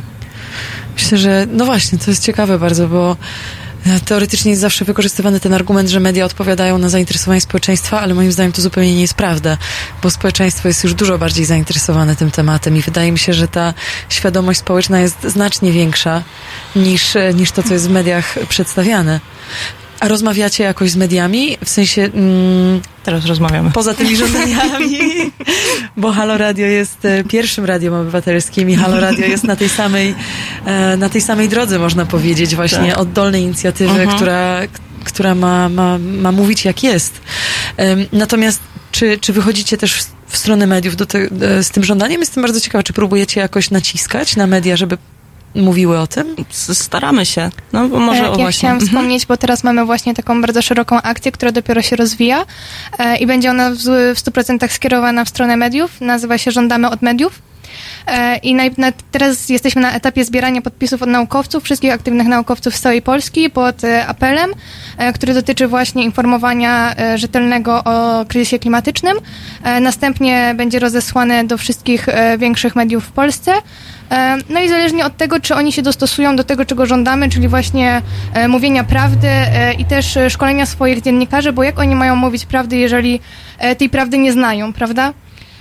Więc będziemy potem wyciągać sankcje, jeżeli się nie dostosują do naszych żądań. E, Na początku małe, a potem większe, czyli od małego protestu do dużego protestu e, i potem do małego obywatelskiego nieposłuszeństwa i dużego obywatelskiego nieposłuszeństwa. Także Świetnie, jak ty mówisz, w ogóle się. to mi trochę ciarki przechodzą, że mówisz, że będziecie czegoś oczekiwać i będziecie wyciągać sankcje, jeżeli to nie zostanie spełnione. Myślę, że to jest dokładnie to, co powinniśmy robić jako obywatele. Tak. Naprawdę wyjść z takiego założenia, że my możemy sankcje wyciągać, Absolutnie. bo możemy oczekiwać. Kurczę, w ogóle jak się zagadaliśmy, ale to już jest e, za 4.21, więc rzeczywiście już musimy kończyć. Tak, ja chciałam jeszcze na koniec serdecznie zaprosić jutro do współtowarzyszenia nam pod Sejmem. Na pewno będziemy zmęczeni i głodni, także e, wpadajcie. E, I też jeżeli Was zainteresowało, to zapraszam na spotkania wprowadzające Extinction Rebellion w Warszawie. Odbywają się one w poniedziałki. I we Wrocławiu raz w miesiąc. Super, naprawdę zachęcamy do zaangażowania się. Ja na pewno też w takim spotkaniu będę uczestniczyć, bo niezwykle mi się podoba, utożsamiam się z tą narracją, którą tutaj przedstawiacie. Musimy już kończyć. Dziękuję Wam bardzo za to, że przyszłyście, byłyście tutaj ze mną jeszcze przez te ostatnie pół godziny. Em, ja się nazywam Agata Skrzypczyk i bardzo dziękuję też Państwu za to, że byliście ze mną przez te ostatnie dwie godziny. E, Słyszymy się za tydzień w kolejnej odsłonie audycji Halo Tu Ziemia. Zapraszam Was serdecznie i dziękuję jeszcze raz. Miłego wieczoru.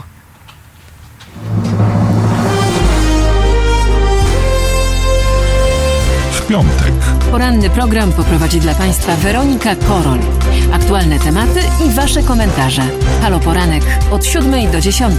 www.halo.radio. Słuchaj na żywo, a potem z podcastów.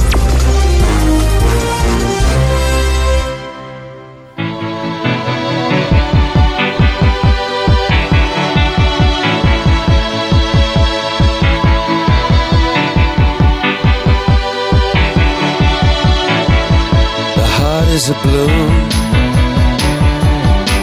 Shoots up through the stony ground. There's no room. No space to rent in this town. You're out of luck. And the reason that you had to care The traffic is stuck. And you're not moving anywhere you thought you'd found a friend to take you out of this place. Someone you could lend a hand in return for grace. So beautiful.